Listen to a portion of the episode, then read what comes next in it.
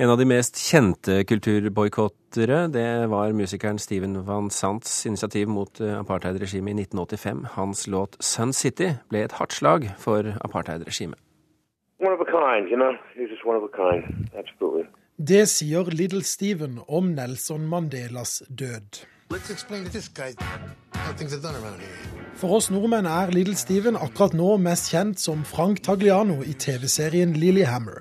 Men for mange er han bedre kjent som initiativtakeren til kulturboikotten av apartheidregimet. Sun City is the showplace of Bapututswana, one of the so-called independent homelands where South African blacks have been relocated. Sun City, en turist- og kasinoby i Sør-Afrika. For velstående hvite mennesker hadde flere kjente internasjonale artister på besøk. Frem til Little Steven kom på banen.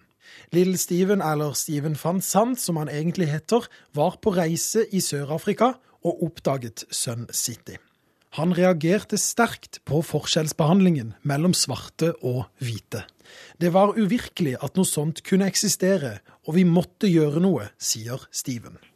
Like a, a movie, you know. It felt it felt unreal, uh, you know, that, that this could exist uh, in the late 20th century, you know. And, and I just felt, um, how can we bring this government down, you know? Vi måtte få folks oppmerksomhet om hva som foregikk, forteller han.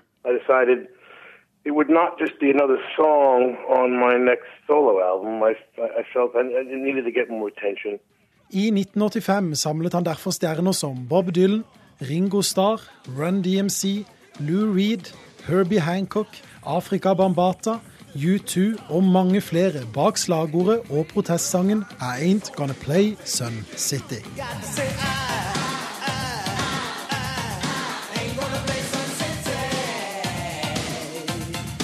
Boikottsangen ble faktisk selv boikottet av mange amerikanske radiostasjoner, og nådde ikke lenger opp en 38.-plass på hitlistene der.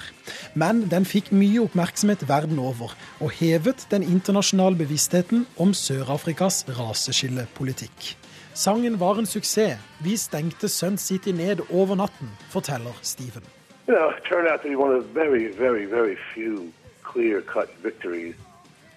Stunning, sort of. Uh, we, we shut Sun City down overnight.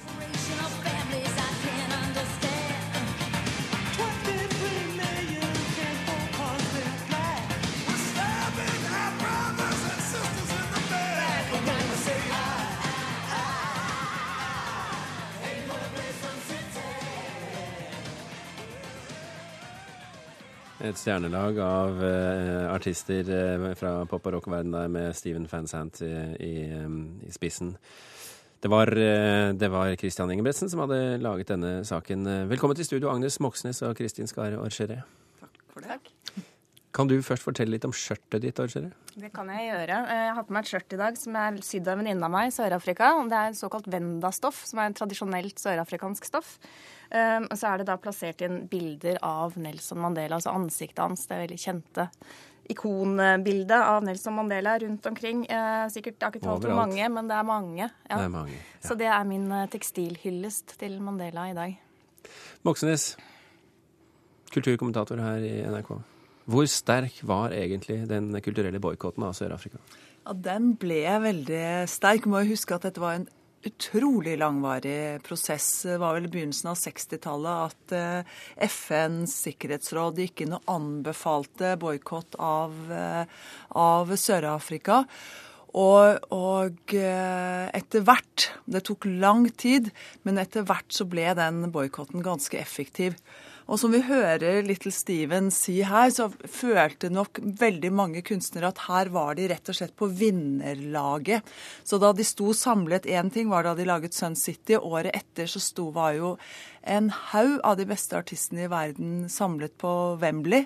Eh, Og laget en konsert som var eh, laget, designet for Nelson Mandela, og for at man skulle frigjøre og, og slippe Nelson Mandela ut av, av fengselet.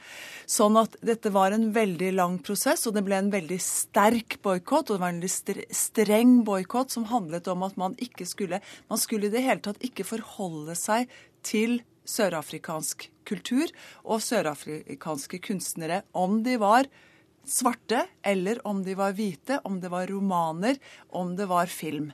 Så det var en streng, streng boikott på, på, slutten. Hvordan eh, reagerte sørafrikanere på dette? Altså ANC ga klar beskjed om at de ønsket en altså sånn boikott. Mandelas parti? Ja. Mandelas parti ville ha det.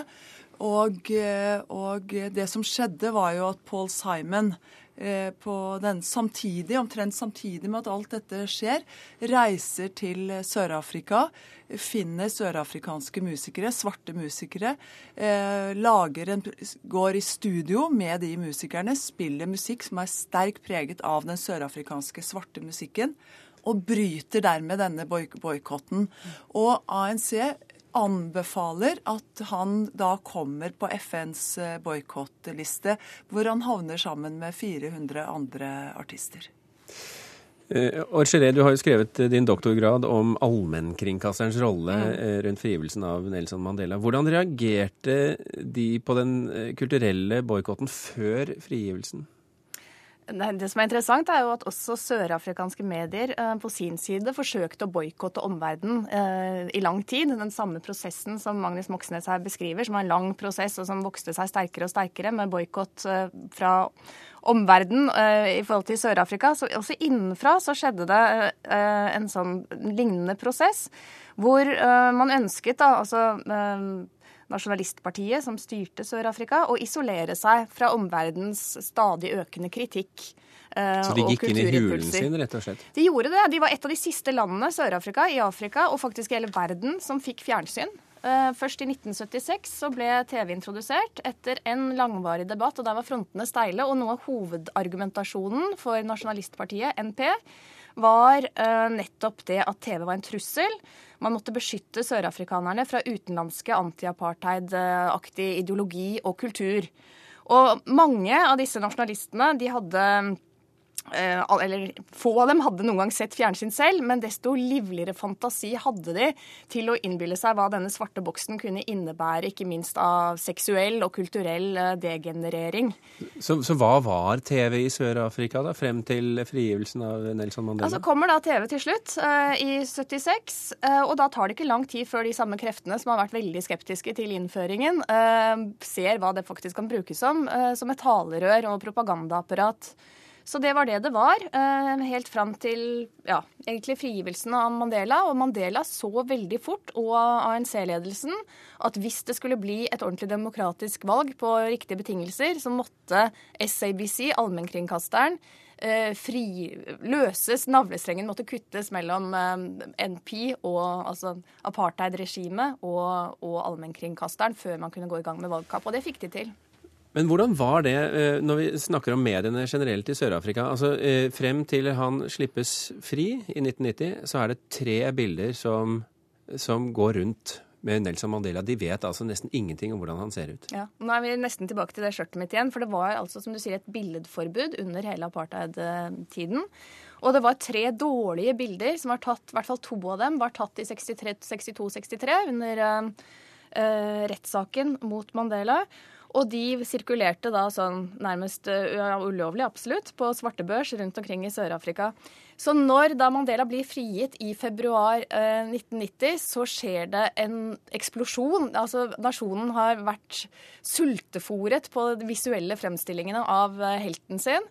Og det er jo da alle disse stoffene kommer. T-skjortene, plakater, eh, kunst. Så det er ikke bare i sangene man hører det, men også ser eh, kunstneriske uttrykk. Eh, og også naturligvis kommersielle krefter som lager tannbørster og kaffekopper og alt man kan tenke seg med hodet og bildet av Mandela. Ja, og Når du sier det, så tenker jeg eh, på den konserten. altså Det Nelson Mandela gjorde to år etter at denne Wembley-konserten ble holdt, var jo at han holdt sin internasjonale mottagelse, som han kalte det, eh, nettopp på Wembley. To måneder etter at han var eh, løsgitt, så reiste han altså til England. Gikk ut på scenen på Wembley og, og, jeg må nesten anbefale folk å gå inn på YouTube og se på det klippet, fordi at han blir altså mottatt av en mengde som bare jubler og jubler og jubler. Han, får, han står og skinner. Han står og skinner som en sol, og det er fem eller seks eller syv eller åtte minutter, og så kommer det noen som prøver liksom å roe deg ned. Men det er jo et utrolig sterkt øyeblikk, og det er selvfølgelig veldig mange grunner til det. Men jeg kan tenke meg at en av grunnene er nettopp denne der fattigdom. Altså du mangler bilder på dette mennesket. Han har ikke vært der før. Han kommer, han er 70 år gammel, og der er han.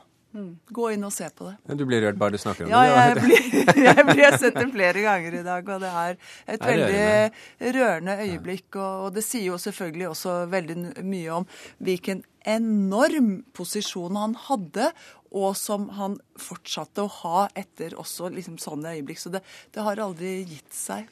Det var vanskelig å komme unna at dette måtte bli ikonstatus. Dette måtte bli At Mandela måtte bli et ikon. Ja, men samtidig, han vokste og vokste. Eh, først i sin presidentperiode, og, og også at han gjorde dette unike grepet, at han faktisk gikk av etter sine fem år som president, som er ganske uvanlig, i hvert fall på det afrikanske kontinent. Eh, han kunne ha sittet en periode til, noe han sa helt innledningsvis at det ville han ikke. Og så var det naturligvis Han eh, hadde da eh, Man skulle ta igjen dette visuelle underskuddet, og han gjorde de riktige tingene. Han sa de riktige tingene, men så har han fortsatt å vokse også i årene som har gått etter eh, presidentperioden sin, og blitt mer og mer ikke bare en landsfader, men nærmest en global farsfigur. Så jeg tror det er mange, mange mennesker rundt i hele verden som i dag føler seg litt faderløse, rett og slett.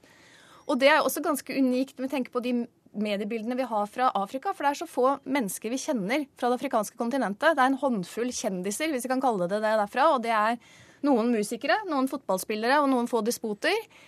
Mens Mandela er unntaket som bekrefter regelen. Altså at vi har et sånt nært følelsesmessig forhold til ham. øh, Og det har vi her øh, oppe i nord, og det har folk over store deler av verden. Mm. Så ja, han har absolutt opparbeidet seg en universell ikonstatus, vil jeg si. Kristin Skarre og Agnes Moxnes, tusen hjertelig takk for at dere kom til Kulturnytt.